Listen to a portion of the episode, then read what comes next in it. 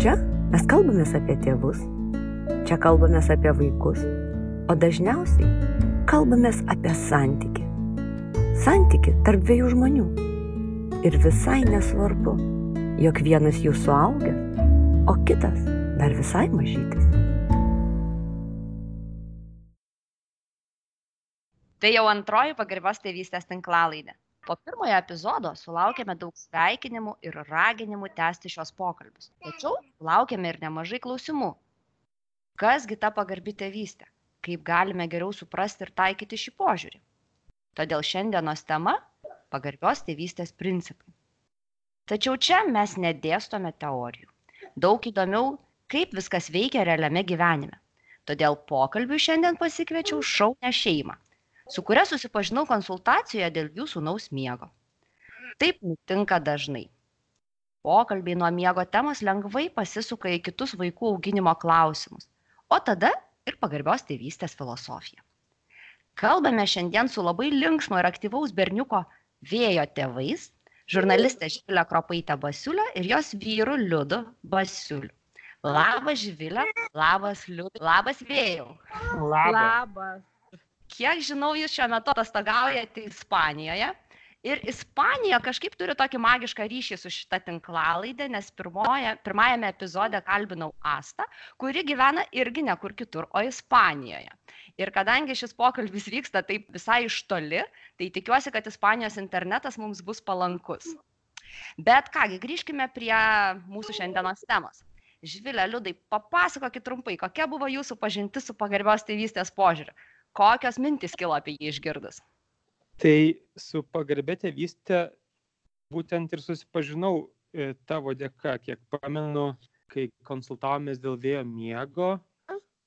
Nežinau, ar tenais e, diskusija plačiau vystėsi apie vaikų auklėjimą ir e, tas auklėjimo kryptis, ar kaip tenais nukeliavome iki tos pagarbios tėvystės, bet gavosi taip, kad po kurio laiko ar po pirmosios ar po kelių konsultacijų aš e, parsisinčiau Janet Lansbury knygą e, Elevating Child Care.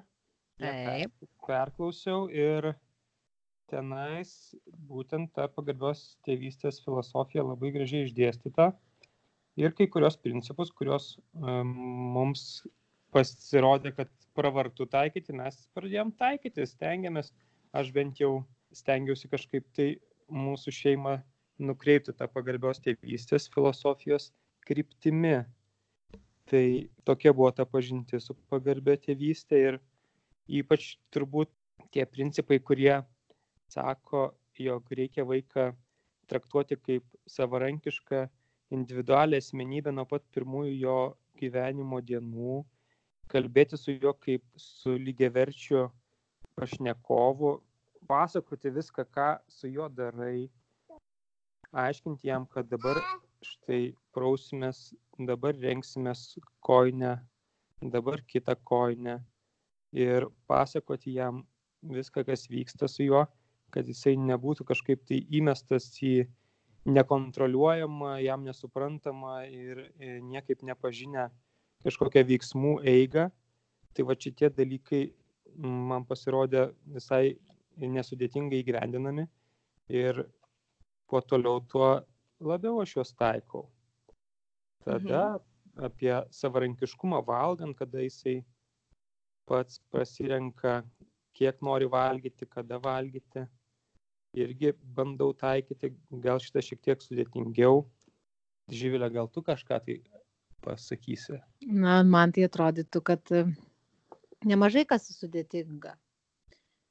Nes pavyzdžiui, kad ir tas principas, aš atsimenu irgi klausiau to podkasto Janet Lansbury ir jinai tokiu liuliuojančiu balsu pasakoja, paimkit kūdikėlį, apgaubkit jį ir lietai keiskit jam sauskelnes, štai sakydami, ką jūs su juo darot, nes juk jūs tai nenorit, kad su jūsų kūnu kas nors, ką nors darytų ir jūs neįsivaizduotumėt ką.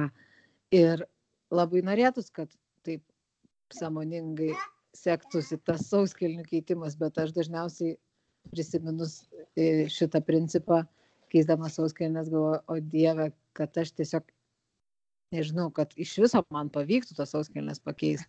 Ką jau kalbėti apie kažkokius lėtesnius tempus. Tai nežinau, man, pažiūrėjau, kartais reikia kelių rankų pagalbos, kad pakeičiau sauskelnes. Ir kuo toliau, to labiau, nes tas vaikas vis, man atrodo, stiprėja. Tai man atrodo, tas principas, nu tikrai, tai tikrai mums nuo pat pradžių sunkiai pavyko, bet gal dabar liūdas, aš nežinau. Gal liūdai geriau pavyksta, nes jis toks ramesnis, lėtesnis. Ir pavyko, sakai. Taip, man tai, sakyčiau, tas sauskelnės keitimas tikrai vyksta pagal pagarbios tėvystės Janet Lansbury metodiką. Iš tiesų, sauskelnių keitimas labai daugeliu tėvų sukelia daug klausimų, ypač kai vaikai auga, jie tampa vis aktyvesni, nes vėjas irgi yra labai aktyvus iš tikrųjų berniukas, tiek kiek, tiek kiek man teko susipažinti iš jūsų pasakojimų. Tai sauskelnių keitimas dažnai būna toksai virsta tokiu kovos lauku. Ir dažnai labai norisi tiesiog tai padaryti kaip įmanoma greičiau dažnai būna toks atvirkštinis efektas, kad kuo mes norime padaryti greičiau, tuo viskas užtrunka ilgiau. Nes tada, kai mes darome kai kurios dalykus lietai, kartais netgi leidžiame vaikui truputėlį pažioplinėti ar pasidomėti kažkokiais kitais aplinkyje objektais, tai finale tiesiog pakeičiame sauskelnes greičiau, nors viską darome lėčiau. Nežinau, ar taip pasiteisina liudai tau sauskelnių keitimo praktikoje. Na, man kažkaip tai su tom sauskelnių keitimo situacijom viskas sėkmingai, aš sakyčiau, klostosi ir, nu, nepatiriu aš ten didelių iššūkių labai. Vakar štai restorano tolete be jokios lentos teko du kartus tai daryti po rimtų reikalų ir kažkaip mes susitarėm, ką jam daryti, kada e, pabūt ramiai, kada ištiest koją, kada sulenkt koją. Aš jam padėkoju, kad jisai labai kooperuojasi ir nu, man tikrai nėra kažkoksai tai didžiulis neįveikiamas iššūkis sėkmingai pakeisti sauskelnę bet kokiom aplinkybėm. Tai man irgi nėra neįveikiamas, nes vis dėlto vaikas dažniausiai būna su sauskelnim, bet pavyzdžiui, tarkim, tas restoranų ir kitos aplinkos buvimas man atrodytų, kad gelbsti, nes tada jisai bent kažkiek pasidairo, o ne e, nori aplinkų viską talžyt ir traukiot ir daužyt. Namuose ant skalbimo mašinos, kur mes turim vystimo stalelį jo, kažkaip tai jisai man bekeičiant sauskelnes, jisai visai gražiai elgesi ir, ir tikrai nepatiriu aš didelių sunkumų toj ir namų aplinkoje, kuris viską pažįsta ir žino, kur ką galima patraukti, kur ką paimti. Žodžiu, girdžiu, kad e, vėjas kažkaip labiau linkęs kooperuoti su tėčiu negu su mama. Ar, ar, ar tai teisybė ir kitose srityse? Nežinau, aš tai kažkaip supratau, kad gal su kuo daugiausiai visgi laiko praleidžia, to mažiausiai ir klauso, aš tą girdžiu iš aplinkos, nebūtinai apie pagarbę tėvystę, kalbant, o gal tiesiog aš taip godžiuosi ir tarkim mano sesė kažkada jį prižiūrėjo ir sako mes eisim ten į panoramą prekybos centro pavadinimas mhm. nereklamuojant nieko. Sakau kaip suprast jūs eisit į panoramą? Tai imkit vežimą arba tu nusiteik kad jį neši. Ne ne ta kur aš sakau ten jis ir eina. Ir sako jinai aš sakau va vyjukai eikim tiesiai ir jis eina. O man tai pavyzdžiui daug sunkiau sekasi ir aš nežinau man tada atrodo kad gal jisai kažkaip daugiausia sau leidžia įsidirbinėt. Arba žinoma aš nemoku labiausiai iš visų nubrėžt ribų kas irgi įmanoma. Tai taip turbūt kad yra tas kad labiau klauso visų išskyrus mamos bet nežinau ar čia susiję su pagarbia tėvyste ir štai perėjome prie dar vieno pagarbios tėvystės principo aiškus ribų nubrėžimas Oi, tai yra, kaip aš kartais juokauju, tai yra viena iš dviejų pagarbios tėvystės kojų. Viena iš kojų yra būtent emocijų prieimimas, o kitas, kita koja yra būtent aiškios ir nuseklios ribos. Nes labai dažnai, kai pradedu kalbėti ir pasakau tą tokį žodžius derinį pagarbi tėvystę, manęs tėvai klausia, tai pagarbi, tai reiškia viską leidžiam ir tai visai nėra tiesa nes iš tikrųjų labai labai svarbus kaip vat ir liudas paminėjo principas yra būtent aiškios ir nuoseklios ribos. Tai kaipgi su ribom pas jūs namuose? Kas kam geriau sekasi ribas nubrėžti? Nežinau šiaip aš dabar kai pagalvoju tai kartais kai atrodo kad vaikas nepaklusnus neva tai labai greitai tai pasi pasineigia kai pamatai kaip jisai tvarkingai negali išeiti iš namų, neuždaręs ten visų spintelių, neišmetęs visų šiukšlių į šiukšlių dėžes. Ir neatsisukęs šelmišką šipsenėlę, kai pamato, kad tu kažko nematai ir jis gali daryti tai, ko tu jam neleidai. Tai ten pavyzdžiui, nežinau, uh, lipt prie televizoriaus. Jis atsisuka ir tikrina, ar tu žiūri ir šypsosi. Tai, nu, man atrodo, kad tai signalizuoja, kad jis visgi yra supratęs, kad negalima lipti prie to televizoriaus. Tiesiog vis dar kažkiek išbandinėja savo galimybės ir ribas tau nematant tą padaryti. Nežinau, man atrodo, kad gal ir netaip prastai čia sekasi, tik tai dėl to nuseklumo nežinau. Kartais man atrodo, kad ko aš labiausiai, pavyzdžiui, bijau, kad tu dažnai kažko ten, tarkim, pasakydamas, kad negalima, vieną kartą jums ir palūši ir sakysi, ai vis dėlto galima. Ir taip kartais aš darau su telefonu visiškai neduodama ten sugalvojus ir nusprendus mums abiems, kad iki dviejų metų mes tikrai neduosim jokių filmukų ir technologijų, tuo labiau, kad turim dar tokią privilegiją, nu, ne privilegiją, bet, ta prasme, turim situaciją, kur neturim antro mažo vaiko, šiek tiek vyresnio, kuris jau naudotų tom technologijom, ko aš suprantu labai labai skundžias kiti tėvai, kad maždaug jau nebeįmanoma čia nieko padaryti. Tiesiog Taip. vaikas kitas naudojasi ir tada ir šitam duodam. Bet tuo atveju, kai, tarkim, sėdi ilgai automobilyje ir aš vis tiek duodu tą savo telefoną galiausiai kartais, nepažaisti jokius žaidimėlius ten ar kažkokių tai e, appsų paieškoti, o tiesiog imti ir, pavyzdžiui, jam pačiupinėti tą telefoną. Tai, nu, tai va, aš nežinau, ar čia yra nuoseklumo pažeidimas dėl neleidimo naudoti telefoną ar ne. Man labai visą laiką aš kai turiu nustatyti savo vaikams ribas aš visą laiką prisimenu tokį rai pagarbios tėvystės e, sukūrėjos magdos gerber tokį posakį kurį jinai sakė visuomet sakykime vaikams taip išskyrus tuos atvejus kuomet tikrai tikrai turime pasakyti ne tai e, vis dėlto tų ribų kartais taip atrodo kad e, labai reikia daug ribų reikia daug taisyklių jų visų reikia labai labai laikytis. Bet tuomet mes e, patys kartais atsiduriam tokiam uždaram rate iš kurio neaišku kaip išeiti nes tiesiog taisyklių daug, jų, jų visų laikytis yra pakankamai varginantis procesas, todėl tų ribų ir taisyklių nereikia prisikurti labai daug. Jeigu mes vis dėlto galime duoti vaikui telefoną, pavyzdžiui, tiesiog tam, kad jisai pasižiūrėtų, kaip atrodo šitas daiktas, nes e, šio laikiniai telefonai iš tikrųjų jie yra labai malonūs laikyti rankose, kartais ten įdomu pasižiūrėti, pavyzdžiui, sakysim, savo nuotraukas, kažkokį tai filmuką, tarkim, kur jūs nufilmavote vėją, tai kodėlgi ne? Tiesiog, kad tai netaptų tokiu, žinot, kartais labai dažnai, ypač žaidimo aikštelėse, prekybos centruose, aš matau vaikus, kurie yra pasodinti į pirkinių vežimėlį, jam yra įduotas telefonas arba planšetė ir vaikas yra visas tame ir vaikas iš tikrųjų labai mažas. Tuomet tai jau nėra galbūt toks labai geras požiūris. Bet pats susipažinimas su daiktais, kodėlgi ne, nereikia iš tikrųjų visko taip jau labai vaikams apriboti. Ko negalima, to negalima, bet tam, kad ribų laikytis nuosekliai ir kad jos būtų aiškios, jų iš tikrųjų nereikia turėti per daug. Tai čia tokia man svarbiausia turbūt žinutė apie ribas nes tada, kai taisyklių nedaug, jų daug lengviau laikytis. Taip, ir tada namuose mes pasiklausę Magdos Gerber ir Janet Lansbury sukūrėm tą saugią aplinką, kur nereikėtų jam nuolat sakyti, kad čia yra riba, kurios negali peržengti, čia riba, kurios negali peržengti, šitos ne, šitos ne, šitos ne.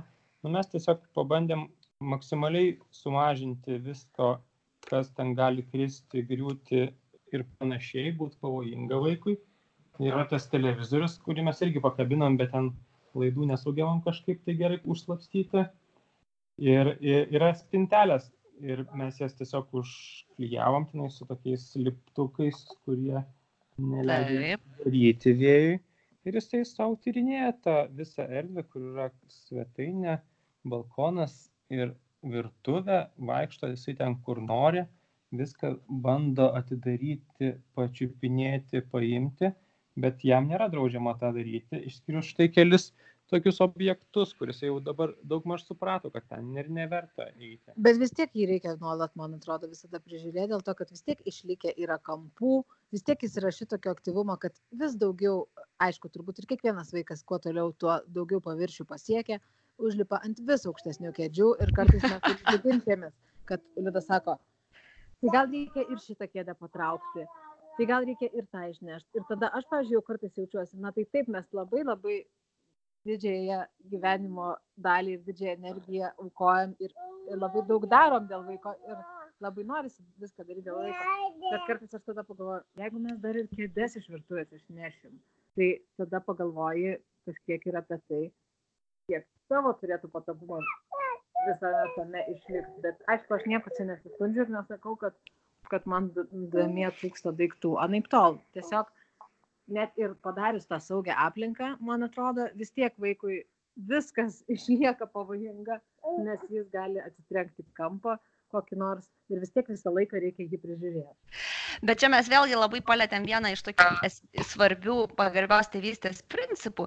Tai yra tas žinojimas apie tą vaiko emocinę raidą ir psichologinę ir fizinę raidą, kas vaikui yra šiuo metu įdomu. Ir, sakysim, tokio amžiaus, kokio dabar yra vėjas, vaikai iki dviejų metų, iki trijų metų, jiems iš tikrųjų yra labai sunku laikytis taisyklių, jie nori jas nuolat patestuoti, jiems yra įdomu užlipti ant kėdės.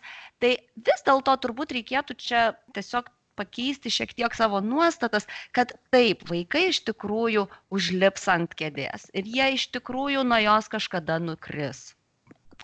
Ir sudaužys lėkštę. Ir galbūt sudaužys stiklinę.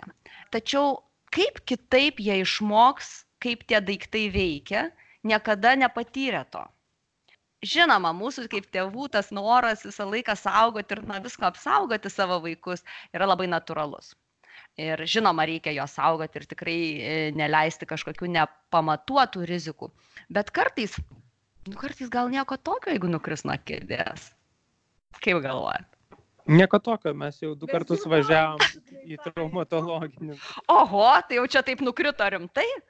Nu taip, taip.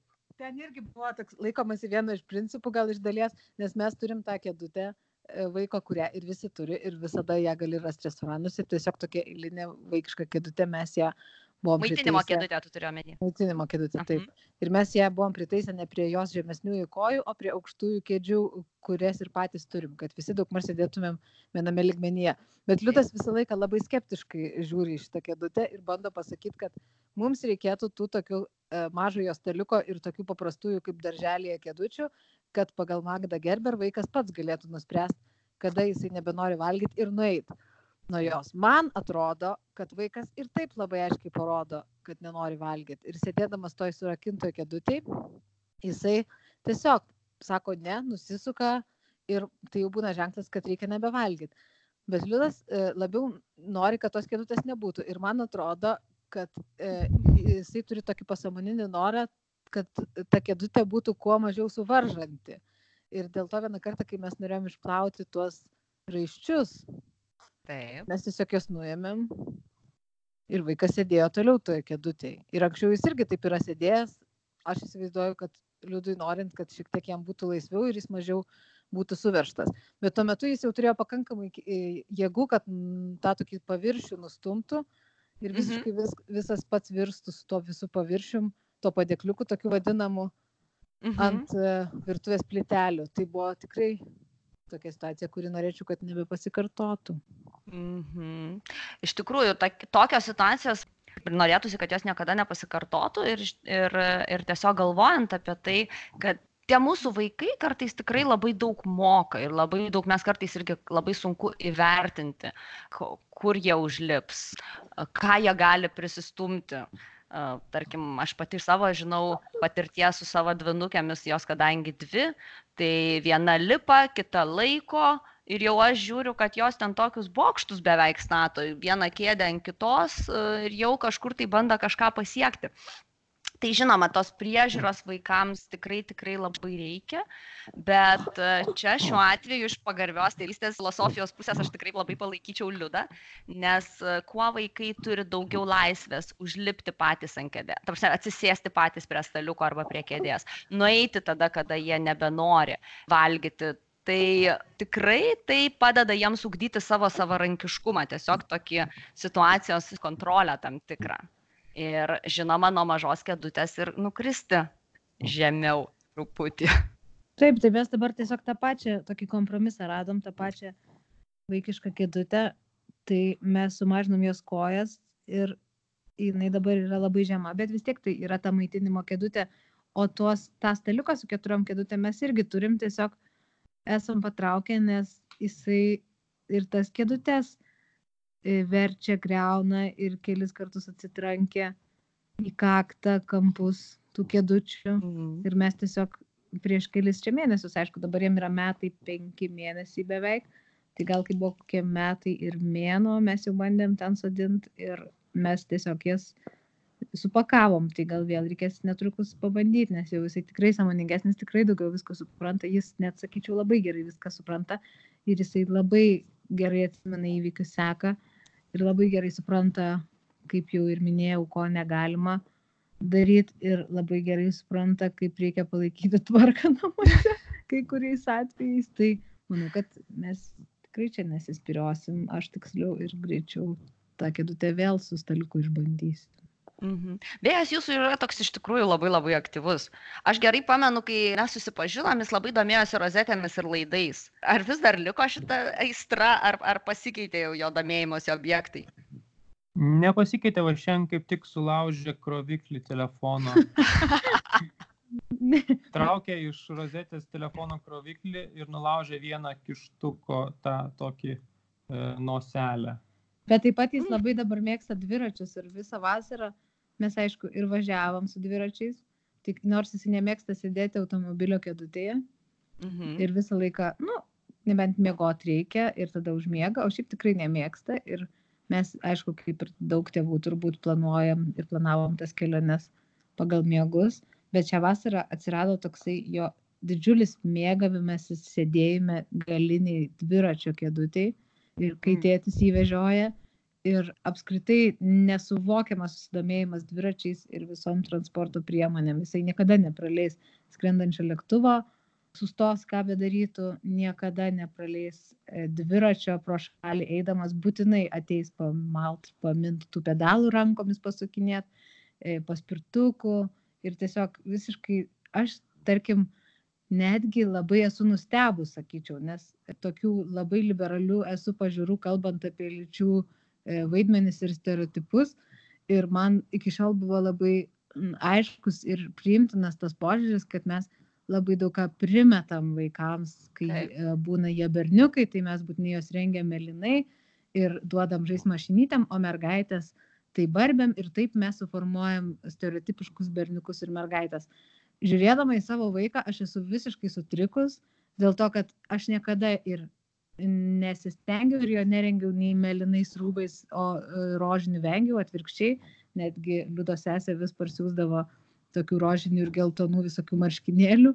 Ir nu, tai čia smulkmena, bet iliustruoja tokį bendrą Taip. mūsų požiūrį, kažkaip nekišti jo į neverkiančio, stereotipizuoto tokio berniuko poziciją. Ir netgi to viso nepaisant, atmesto iš anksto berniukiškumo arba mergaitiškumo skiepijimo, jisai tiesiog yra labai labai linkęs į stereotipiškai berniukiškus dalykus. Į techniką, į elektroniką, į dviračius, į automobilius, į, į lėktuvus, į viską, kas juda ir turi motorą. Čia toks įdomus irgi dalykas, tarp kitko, pagarbi tėvystė labai daug kalba apie tokius vaikų polinkius. Ne per tą prizmę, kad tai yra berniukiškas ar mergaitiškas dalykas, nes vis dėlto e, susidomėjimo sritis dažnai irgi kinta ir tikrai yra. Namie, pavyzdžiui, turiu dvi mergaitės, kurios lygiai taip labai gerai rastų bendrą kalbą su vėju, nes jos irgi labai labai domisi mašinytėmis, lėktuvais, motorais ir paspirtukais. Bet tai yra labai gražus momentas, kuomet galima tą vaiko susidomėjimą išnaudoti jo mokymuisi. Tai yra, jeigu vaik, kai vaikas rodo susidomėjimą tam tikrų objektų, jis labai lengvai atsimena žodžius, išgirsta ir atsimena žodžius, kurie yra susiję su tuo objektu. Jis labai domisi, žiūri, e, suranda įvairiausias mažiausias detalės. Todėl kartais pamačius tokį vaiko aistrą kažkokiems objektams, labai yra rekomenduotina tėvams kaip tik duoti vaikui kuo daugiau informacijos, paveikslėlių ir visokių tokių dalykų, nes tai labai labai skatina vaiko ir kalbos raidą, ir suvokimo raidą, nes vaikui tai yra tiesiog natūraliai labai labai įdomu. Hmm. Tai va, tai čia toksai tiesiog irgi patarimas išnaudoti tą susidomėjimą ir naujiems žodžiams ir tikrai nevengti uh, sudėtingų žodžių, nes kartais labai vėlgi tėvai nori, pavyzdžiui, kalbėti apie tą patį ten kokį nors lėktuvą labai paprastais žodžiais. Ir vaikams tai yra neįdomu. Vaikams įdomu yra taip, kaip mes iš tikrųjų ir kalbame gyvenime. Jeigu lėktuvas turi motorą ir, ir, ir visokių kitokių ir propelerį ir taip toliau, e, galbūt vaikas dar nebus pasiruošęs pakartoti tų žodžių, bet jie bus jam, jam tikrai labai įdomus ir vėliau jis juos labai gerai prisimins. Mm. Tai, va, tai išnaudokit, išnaudokit šitą aistrą vėjo. Gerai. Ir um, Šiaip prisipažinsiu, kad iš tiesų man labai labai patinka su Živilė kalbėti apie pagarbios tėvystės filosofiją, nes jinai man dažnai užduoda tokių klausimų, kad aš turiu arba labai gerai pagalvoti prieš atsakydama, arba iš tikrųjų nueiti ir dar pasiskaityti, kad atsakyčiau. Čia matyti jau toks turbūt Živilė tavo žurnalistinis žurnalistinė patirtis šitoj vietoj. O gal tiesiog toksai natūralus e, noras skepsio visur turėti visais klausimais.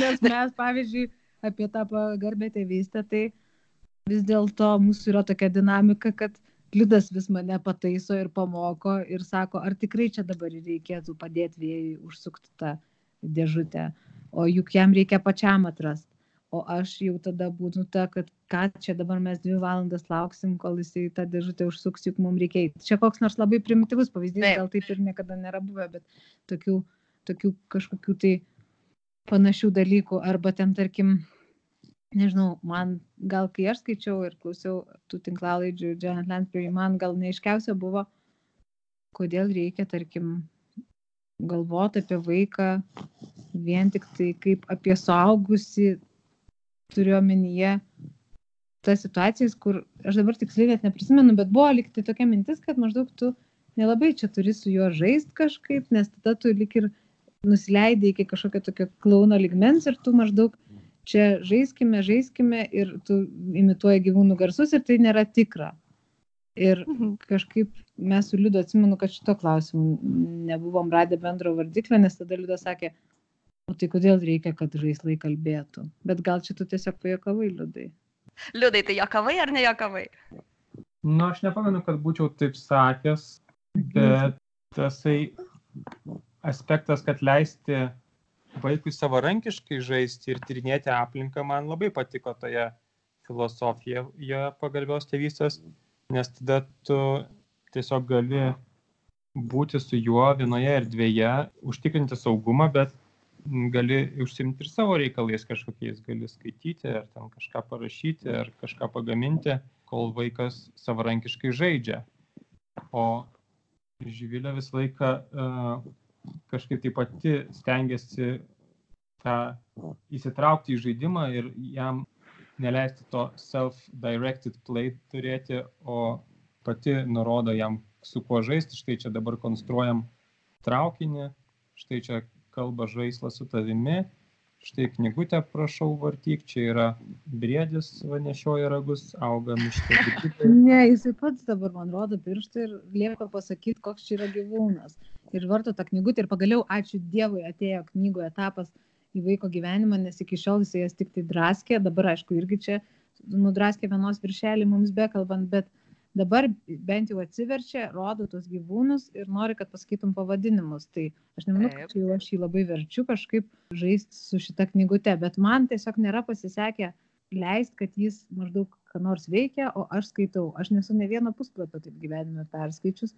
Gal tai vėl susijęs su tuo, kad su mamais elgės kitaip negu su visais.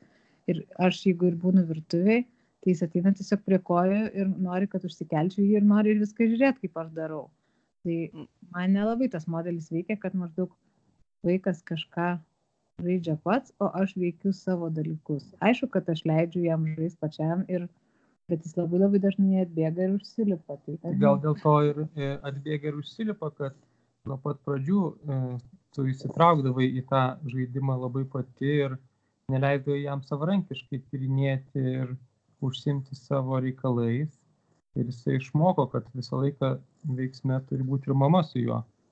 Nežinau, gal čia Davilė pakomentuos, nes aš tai nesijaučiu tokia bloga mama, kaip čia mane apibūdinom oi, oi, oi, oi, čia dar iki blogų mamų. Tai apskritai, ne, ar yra toks dalykas kaip bloga mama? Man atrodo, kad toks dalykas iš vis neegzistuoja. Visos mes mamos esam labai geros ir tėčiai taipogi. Bet čia iš tikrųjų norėčiau pakomentuoti du dalykus. Tai vienas iš jų apie įsitraukimą į žaidimą su vaikais ir kitas apie leidimą daryti vaikams savarankiškai e, daug, daug dalykų. Tai jeigu kalbant ne apie žaidimą, bet apie tiesiog, bet, kaip Živilė pasakė, kartais nu, negi čia lauksi dvi valandas, kol tu dabar ten tą koją kojinį, koją į kojinę įkiši.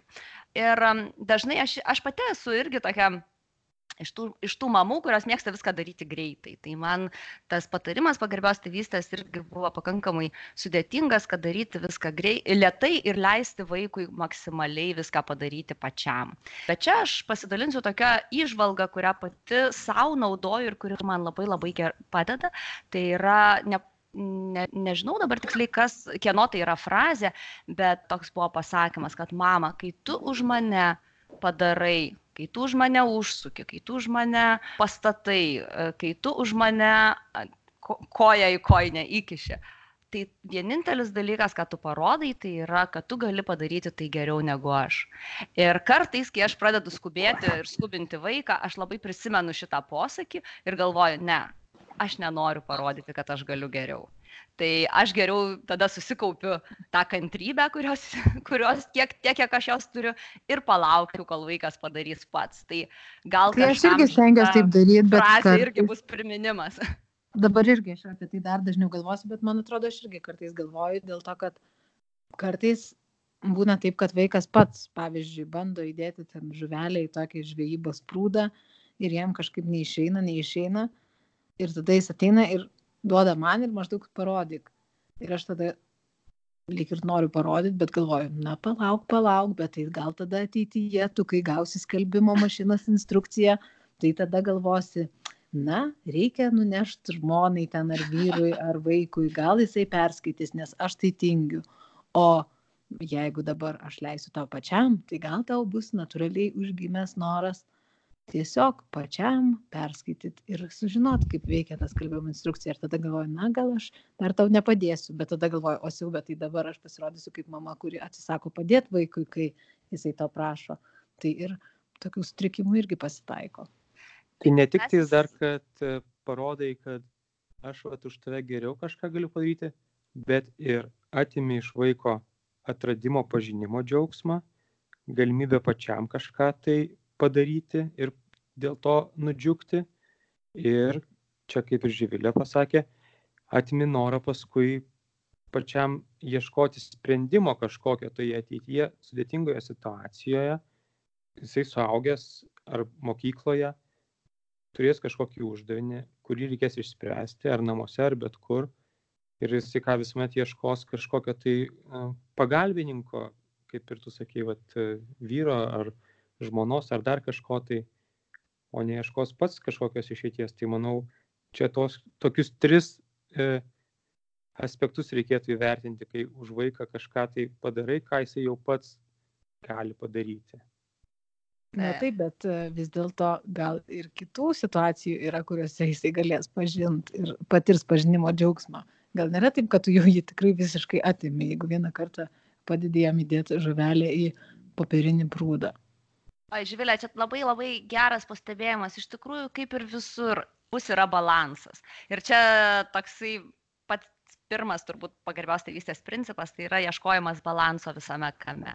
Ir tikrai kartais galbūt reikia įdėti tą žuvelę į prūdą vieną kartą, o kartais reikia išbūti, jeigu mes tikrai matom, kad vaikas pajėgus kažką padaryti, tai tiesiog išbūti tame smalsiai, stebint, kaip jisai deda savo pastangas, kaip galbūt jisai pyksta, kad jam nepavyksta, pabūti šalia, palaikyti emociškai.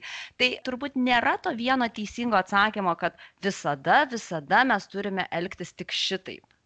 Nes tikrai mhm. kartais būna, galbūt vaikas yra labiau pavargęs ir jam reikia daugiau mūsų pagalbos tą dieną. Bet tiesiog laikyti galvoje, kad jeigu mes padedam, tai padėti mažiau, kuo mažiau. Jeigu vaikas nenus, ne, negeba nusiauti koinytės, tai nebūtina paimti ir jos nauti. Galbūt mes galim tik tai truputėlį atitraukti koinės kraščiuką arba, sakysim, permauti ją per kulną ir vaikas toliau jau pats pabaigs darbą.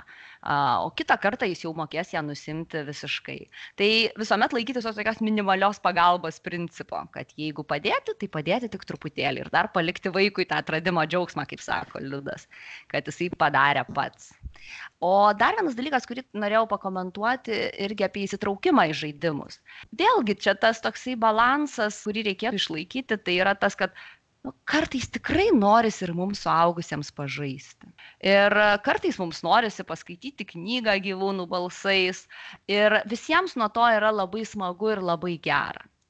Tai tas įsitraukimas į žaidimus nėra, nėra kažkoks blogis ir jisai tikrai gali suteikti labai daug emocijų labai gerų tiek jums, tiek vaikui. Tačiau tik tai prisiminti, kad tada, kada nėra būtina, tada, kada nereikia to daryti, kad palikti vaikui kuo daugiau erdvės tai padai, žaisti pačiam. Tai va čia irgi tokia, nereikia kažkaip tai užsibriežti tik juodą ir baltą, bet e, prisiminti, kad kuo dažniau palikti vaikui erdvės.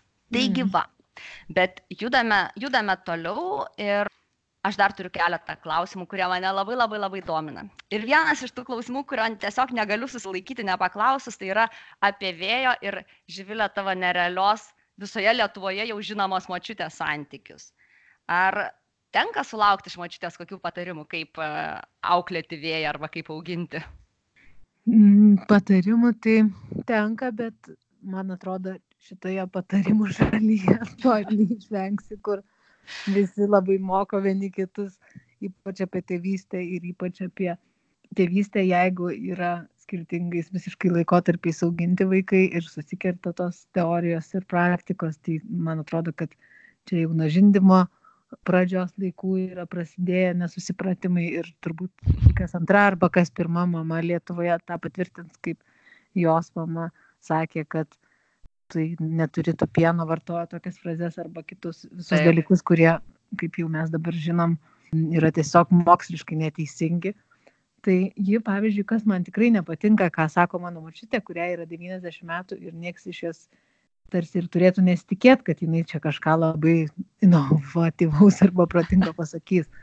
Bet vis tiek, nu, jinai, tarkim, man labai labai baisu, kai mamų sako, ar mačiutė sako, neverk, berniukai neverkia. Tai mano mama, vaiko mačiutė to nesako ir liudo mama, kita vaiko mačiutė to nesako. Aš labai labai labai tuo džiaugiuosi. Bet štai mano mačiutė tai jo vėjo promočiutė taip sako ir aš kelis kartus bandžiau lik ir pasakyti, kad tu taip nesakyk, bet aišku, jis sako, tai jau tu manys vaikelą nieką neišmokysi, man jau 90 metų, maždaug nieko čia iš manęs nesitikė. tai ir aš ir nesitikiu, tiesiog aš norėčiau, kad vaikas, vaikas galėtų verkti ir mes niekada jo netildam ir nesakom neverk, neverk arba nesakom nebent jau ten nežinau norim tiesiog užmigdyt, tada šušuojam. Bet Taip. man norėtųsi, kad vaikas galėtų reikšti emocijas ir kad nebūtų toks sutrikęs virukas, kai pasieks kokią trečiąją gyvenimo dešimtį, kaip dažnai nutinka Lietuvoje. Vyrams jie nemoka reikšti emocijų, su jomis tvarkytis, turi, nori būti kažkokie kieti, nesuprasi dėl ko, dėl tiesiog visuomenės įskiepytų nuostatų. Taip, ir tai yra irgi vėl labai labai svarbi, kaip ir sakiau, viena iš e, pagarbios tėvystės kojų, tai yra ribos ir emocijų prieimimas. Ir iš tikrųjų tas suvokimas, kad visos vaiko emocijos yra priimtinos, mes jas visas galime priimti, išbūti juose ir leisti vaikui suprasti, kad bet kas, ką jisai jaučia, yra, yra jo dalis man labai smagu girdėti kad liudas aktyviai domisi vėjo auginimu ir prisijungia net ir prie mūsų, mūsų šito pokalbio, nes įprastai seminaruose ir konsultacijose mano auditorija yra mamos. Ir kartais net e, jos pasitikslina, kaip vieną ar kitą teiginį perduoti tėčiui, kaip jį tikinti, kad tai yra reikalinga ir yra naudinga vaikui. Ir vienas iš dažniausių tai vis dėlto yra apie emocijas. Nes dažnai tėčiai tiki kad berniukai neverkia arba turi būti stiprūs tvirti ir panašiai. Liudai kaip sumotyvuoti šiuolaikinius tėčius įsitraukti aktyviau į vaikų auginimą ir tiesiog į požiūrio keitimą? Man atrodo kad geriausias motivatorius yra tai kad tu įsitraukdamas į vaiko auginimą įsitraukdamas į bendravimą su juo kuo platesniais aspektais ir stengdamasis suprasti jį nuo pat pirmųjų dienų, tu paskui turėsi žmogų šalia savęs, kurį galėsi laikyti ne tik tai savo vaiku, bet ir savo draugu, nes nu, tu užmėgsi ryšį, kuris leis jums kalbėtis apie viską ir nekils paskui kažkokių tai problemų ar temų, tabų ar dar kažko tai, kas, kas tą bendravimą darytų kažkaip tai ne visą vertį. Tai manau, mm. kad labai svarbu yra taip motivuoti save, kad tu auginiesi savo draugą, su kuriuo galėsi pats pasidalinti ir savo kažkokiais tai sunkumais, ir savo rūpeščiais, ir sulaukti patarimo, kažkokio draugiško patarimo. O tas mane ir labiausiai turbūt motivuoja, kad, kad štai aš auginuosi savo draugą. Labai toks gražus požiūris, nes iš tikrųjų šiandieną mūsų vaikai dar yra, kaip, pavyzdžiui, vėjas, jisai dar yra visai tikrai mažas, bet turbūt nespėsim apsidairyti čia pat mokykla, čia pat paauglystė ir jeigu tėtis sugebės būti tuo autoritetu, pas kurį galima grįžti, pas kurį, su kuriuo galima pasitarti, paklausti, tai nereikės tos informacijos ieškoti kažkur kitur gatvėje arba um, pasiduoti kažkieno kito įtai, įtakai. Tai turbūt čia toks tas ryšys, turbūt daug tokių pozityvių aspektų turi. Be abejo. Ir, na, nu, aš manau, tik tais bendraudamas ir būdamas daug laiko su vaiku, tu ir gali tą ryšį užmėgsti, nes jeigu su vaiku būni tik tais tiek, kad valandą ten prieš miegą jį nuprausi ar savaitgaliais tik tais nusivedi kažkur tai į, į kiną ar, ar, ar parką, na, tai gali ir nebūti pakankamai tam, kad sukurti artimą ryšį. Jeigu mm. Stengiasi su juo leisti kuo daugiau laiko, tai per tą laiko leidimą ir susikuria ryšys. Ir iš tikrųjų, aš pirmosius metus daug daugiau laiko leidau su juo negu dabar, kai jau jam eina antrieji mhm. ir aš pradėjau dirbti ir dirbu didžiąją dalį darbo dienos, aš pastebiu, kad e, jau jisai leisdamas laiko daugiau su mama, su močiute, nebesijaučia taip e, laisvai gal ar e, taip artimai, kaip jausdavosi tuomet, kai mes būdom nuolatos kartu. Ir uh, dabar vėl reikia kažkiek laiko, kad jisai įsijaukintų kažkaip tai tą ryšį ir priprastų vėl prie manęs, kai mes kažkiek laiko praleidžiam atskirai. Mm. Tai... Bet aš tai taip nematyčiau dramatiškai, man tai atrodo, kad tas vaikas labai kažkaip tai vienodai prisirišęs prie tėčio ir prie mamos, tik tai gal mama, kad kažkiek dažniau mato ir mama yra ta, kuri maitina ir dar vis maitina naktim ir jisai miega su mumis. Tai kažkaip, nežinau, mama jam vis tiek yra toksai dažniau matomas ir kažkiek gal lengviau prieinamas žmogus, bet kad ten, nežinau, aš ir galima pamatyti taip iš karto, kad vaikas labiau atpratęs ar ten, nežinau. Nežinau, aš Mm. nelabai matau to. Nu, aš pastebiu. Matyt, liūdų jaučiasi, nes yra, yra, tame, yra tame tokios kaip ir psichologinės irgi tiesos truputėlį, nes vaikams jie dar nejaučia tos labai laiko tiekmės ir, ir jiems tas buvimas kartu, ypač buvimas aktyviam kontakte, yra labai labai svarbus ir ypač tokiem mažiem vaikam. Ir kartais iš tikrųjų galima pajausti, kad pavyzdžiui, jeigu tėtis daugiau laiko pabuvo darbe, arba buvo kažkoks periodas, galbūt ar išvažiavo, ar mažiau buvo namuose, kartais, tarkim, tiesiog kalbu iš asmeninės patirties, nes kartais ir mano vyras patvirtina, kad sako, va, aš truputėlį mažiau buvau namuose ir sako, jis lygiai taip pat kaip liūdas, sako, aš jau truputį jaučiu, kad, sako, mano santykis nėra tiek artimas. Matyt, tai kažkas tokiam emociniam lygmenyje atsitinka. Taip, ir e, aš tik tai džiaugiuosi tuo, kad kai vėl mes susitinkam ir praleidžiam, tarkim, ten vakarą, 2-3 valandas kartu, arba savaitgalis, kai būna ir praleidži visą dieną kartu, tai tas ryšys jisai greitai atsigamina ir mes vėl uh, Taip, taip. jaučiamės labai, labai artimai ir taip pat kaip ir anksčiau. Bet uh, vis tiek tam reikia laiko ir e, nėra taip, kad praleidęs ten, tarkim, dvi dienas be vaiko, jį sutikęs, jį tokį patį turėsi kaip ir praleidęs dvi dienas su juo kartu nuolatos. Tai Mhm. jo, tas ryšys, jisai nu, nuolatos turi būti palaikomas ir nuolatos puoselėjimas tam, kad jisai e, netėtų kažkoks momentas, kai tik tais pradeda silpnėti. Mm. Būtent tas ryšys ir turėtų būti iš tikrųjų puoselėjamas nuolatos, o ne, nes dažnai tėčiai būna toksai, tokia nuostata, kad kai jau vaikas pradės žaisti su manim futbolą, tai mes tada ir, jau užsijimsime. Tai, iš tikrųjų gal neverta praleisti tų ankstyvųjų, ankstyvųjų metų, kuomet ryšys tiek vaikui, tiek tėčiui gali tapti labai labai svarbus.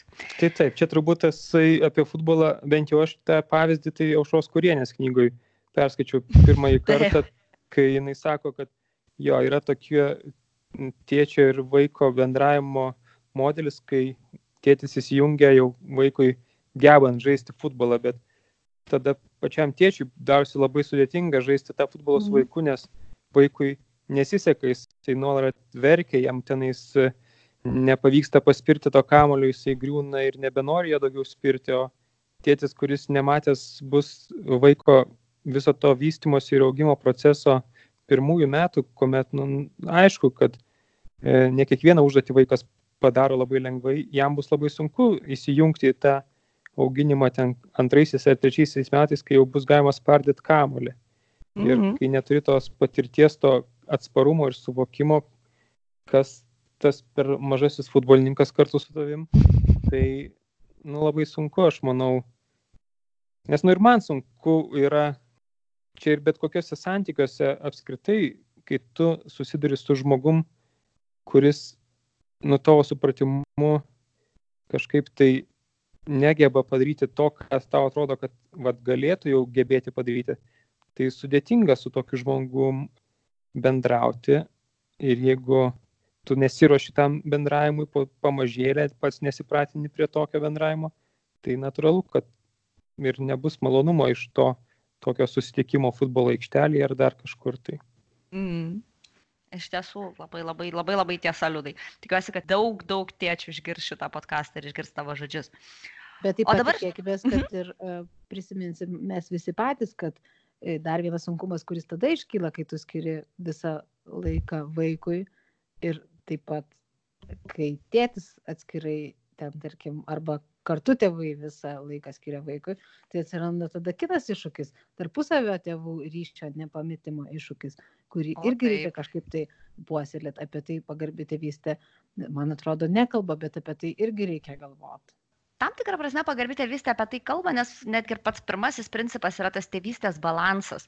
Ir net ir Magda Gerber labai dažnai skatino mamas, tėčius neužmiršti savęs, neužmiršti mūsų kaip, kaip žmonių, kaip individų, kad mes turime ne tik tai santykių su vaiku, bet mes turime lygiai tokią pačią pagarbą būti ir santykėje su savo antraja puse ir su savimi ir kartais iš tikrųjų surasti balansą tose poreikiuose kad neužsiciklinti vien tik ant to, kad mes tenkinam, tenkinam, tenkinam vaiko poreikius, o pamirštam save. Tai va, labai labai gražus dalykas, kurį tu iškėliai, čia šitas klausimas, ir jis yra iš tikrųjų be galo svarbus, nes labai dažnai mamos, tėčiai pamiršta, kad šalia to, jog jie yra tėvai, jie dar yra ir mylimieji. Tai irgi toks būtų palinkėjimas, bet irgi to nepamiršti ir prisiminti, rasti laiko ir kartais tikrai nieko vaikui neatsitiks, jeigu jisai pabus vakarą su močiute, o tėvai tuo tarpu tikrai kažkur. negrįžtamai. Oi, tikrai ne. Vieną vakarą tėvai pabus be vaiko. Netgi kaip tik atvirkščiai sus, gali būti, kad tas ryšys sustiprės, nes tėvai pailsėję, grįž, grįž pas vaiką ir jie galės jam skirti tikrai labai kokybišką savo nedalomą dėmesį, vien dėl to, kad jie kažkur pasisėmė tos jiems reikalingos energijos. Tai tas irgi yra labai labai svarbu. Ir jau visai, visai pabaigai, Živilė, Liudai, kaip manate, kuo reikėtų užbaigti šitą pokalbį? Kokią pačią tokią svarbiausią žinutę galbūt iš savo patyrimo ar atradimų norėtumėte pasakyti tiems, kurie mūsų klausosi? Mano žinutė būtų tokia, kad auginti vaiką, ypač tada, kai sugebi surasti tą balansą ir sugebi surasti laiko ir savo, ir, ir tarpusavio santykiams, tai auginti vaiką tikrai nėra sudėtinga ir yra labai malonu. Tad auginkite kuo daugiau vaikų. Sako tėvai, kurie turi tik tai vieną. Bet e, iš tikrųjų, atsiprašau, kad pertraukiau, aš irgi turėsiu dar ką pasakyti. Tai gerai, tu galėsi mane irgi pertraukti. Man tai tikrai labai labai patinkantis pagarbės tėvystės principas e, yra toks. Aš jį girdžiu ir kitur atsikartojant. Ir jisai Taip. yra vienas iš, kaip ir Dovilė sakė pradžioje, tokių e, esminių, kaip ten kojų ar pagalių ar kažkokių tai esminių, žodžiu, tokių Ramščiai. ramščių, tai tas pripažinimas emocijų ir vaikui, jis juk pats kartais nesupranta, kas jam atsitinka, kai pradeda verkti susimušę, kai tiesiog pradeda verkti, nes kažko nori. Tai vis laikiam pasakyti, suprantu, kad tau dabar sunku, suprantu, kad tu norėtum pasiekti šitą laidą, vis laidai ir mechaniką. Suprantu, kad tu susitrenkiai ir tau skauda. Suprantu, kad dabar nori banano, bet vis dėlto pirmą suvalgykim mėsos. Ir tas toks pripažinimas emocijų, man atrodo, yra labai labai svarbus emocinio intelekto pagrindas. Mes dažnai dabar labai kalbam apie tai, kad mums trūksta dabartiniai kartai supratimo apie emocijas ir emocinio intelekto pagrindų. Man atrodo, kad pripažinimas vaiko emocijų nuo pat pradžių e, gali būti, nors aš nežinau, aišku, kai- į ką tai išvirs ir koks bus tas mano vaikas, bet aš kažkaip labai labai tikiu ir kiekvieną kartą šito principu labai labai vadovaujas ir tai daryti yra labai labai paprasta. Tai padeda ir tau pačiam, nes tu tada turi iš karto kelią ir būdą, ką tau daryti, kai vaikas pravirko. Tai padeda pamiršti tokias alternatyvas kaip balso kelimas arba dar kažkokias baisesnės, kurių net nenori įvardyti.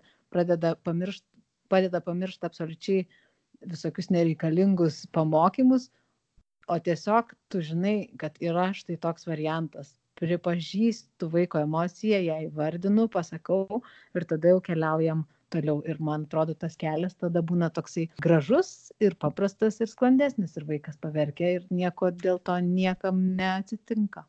Mm. Aš dar tik noriu labai papildyti, nes man labai kažkaip surezonavo, e, kad mes pripažįstam vaiko emocijas, bet taip pat labai svarbu mums pripažinti, mokytis kartu, pripažinti ir savo emocijas. Ir kartais iš tikrųjų pasakyti, pavyzdžiui, man liūdna, aš pavargau. Ir netgi Mhm. vaikui kartais pasakyti, žinai, aš, aš supikau. Ir tai yra, tai yra kaip toks irgi pasidalymas. Ir mes kažkaip su vyru irgi kalbėjom, kad vat, pagarbi tėvystė kartais ir mums padeda tas požiūris, atrodo, lyg ir mokomės jo dėl vaikų, bet jis padeda ir mums kartais pasakyti, tarkim, grįžtu iš darbo ir sakau, žinai, aš šiandien labai pavargau. Ir vietoj to, kad man vyras pradeda siūlyti visokias alternatyvas, ką aš dabar galėčiau daryti, kad aš čia pailsėčiau, jis prisėdęs šalia ir sako, aš girdžiu, tu pavargai. Ir taip gera, gera pasidaro. Tai aš įsivaizduoju, kad taip turbūt jaučiasi ir mūsų vaikai, kai mes, kai mes pripažįstam, kad iš tikrųjų tai yra, tu supikai ir tai yra viskas tvarkoj su tuo. Aš tave Tai- girdžiu ir aš tave priimu. Turėkime tokią viltį, kad jie taip ir jaučiasi. Man atrodo, kad jie taip ir jaučiasi. O dar leiskim liudui pabaigti, kur, kur ten mes jį nutraukiam.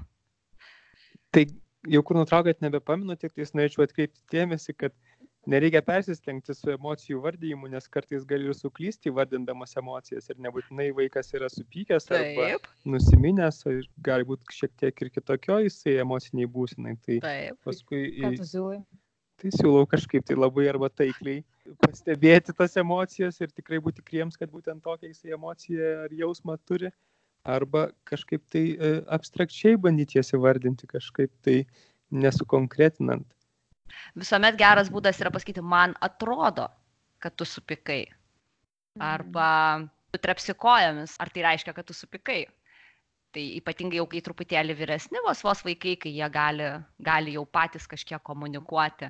Tai tada galima visuomet tokį turėti, man atrodo. Ir tai yra toksai sąžiningas prieimas prie to reikalo. Mhm. Man atrodo, kad gal ir sąžiningas. Nu, man tai dar atrodo, e, nors gal jau dabar vėl nukrypsiu į lankas ir nebepasibaigs harmoningai šis podkastas, bet aš kažkaip, tarkim, norėjau gal net ir pasitikslinti mūsų vaikas, nors jam net nėra pusantrų metų, e, moka jau ištarti raidę R ir visą laiką sako nėra. Tai yra jo toks pagrindinis žodis, kai kažko nėra. Pavyzdžiui, jis ką nors paslėpia ir sako nėra. Ir per dieną jis pasako e, tą dalyką kokius 500 kartų mes apskaičiavom. Pavyzdžiui, eina šunelis, jisai kažkur jau pasislėpė už šoną ir sako, nėra, nėra. Ir dabar tiesiog galbūt e, užduodama šį klausimą jau paneigsiu visas iki šiol įvardytas tiesas, bet ar tai nereiškia, kad mes jam per daug prikrovėme kažkokios neigiamos informacijos, nes jisai pasaulį tarsi suvokia per neigimą, sakydamas tą savo nėra. Ar vis dėlto ne? Aš vis dėlto galvoju, kad kartais sunku tiem intelektualiam tevam. iš tikrųjų, mes kartais, žinai, užsiimam galvojimu, bet iš tiesų tai vaikas sako tai, ką jisai mato. Jisai, jisai mato pasaulį, buvo šunelis, nėra šunelio. Ir Mhm. mes... Bet kai yra, tai nepasako. kai yra, jam gal atrodo savaime suprantama, šunelis buvo, nėra šitas pokytis, ši- šitam jo raidos etape šitas pokytis jam yra įdomus. Dingo, Mm. dingo, nėra. Ir tokiu atveju tiesiog pritarti, taip aš girdžiu, aš matau, šunelio nėra, užėjo už namo. Labai gera proga vėlgi pokalbiai tiesiog su vaiku. Mm. Taip, aš matau, šunelis užėjo už namo kampo, šunelis palindo po mašina. Tiesiog pratęs ir duoti daugiau informacijos apie šitą įvykį, kuris jau savaime vaikui yra įdomus. Mm. Tai va, aš nemanau, kad čia būtų pasaulio pažinimas per neįgymą, aš manau, kad tai labiau, labiau tas etapas, kuomet suprantame, kad daiktai nebūtinai visada yra ir kad yra vyksta tas pokytis. Mm. Tai, tai gyvam. Tai ačiū Jums labai. Linkiu gerų likusių atostogų, kad išlystų saulė ten pas Jūs Ispanijoje. Na taip, neminėkim, kiek čia yra laipsnių ir neminėkim, kiek yra Lietuvoje šiuo metu ir koks laipsnis skirtumas ir į kurios šalies pusę. Tiesiog neminėkim šių skaičių, nes bus graudu mums ir per daug linksma jums. Taigi labai labai labai dar kartą ačiū ir iki tol, kol jūs grįšite į Lietuvą ir pamatysite lietuvišką saulę, tai šitas podkastas irgi išvys dienos šviesą, taigi susitiksime kažkur kitur. Ir dėkoju, gerų likusių jums atostogų. Ačiū. Prašom. Iki ate. Ačiū. Iki.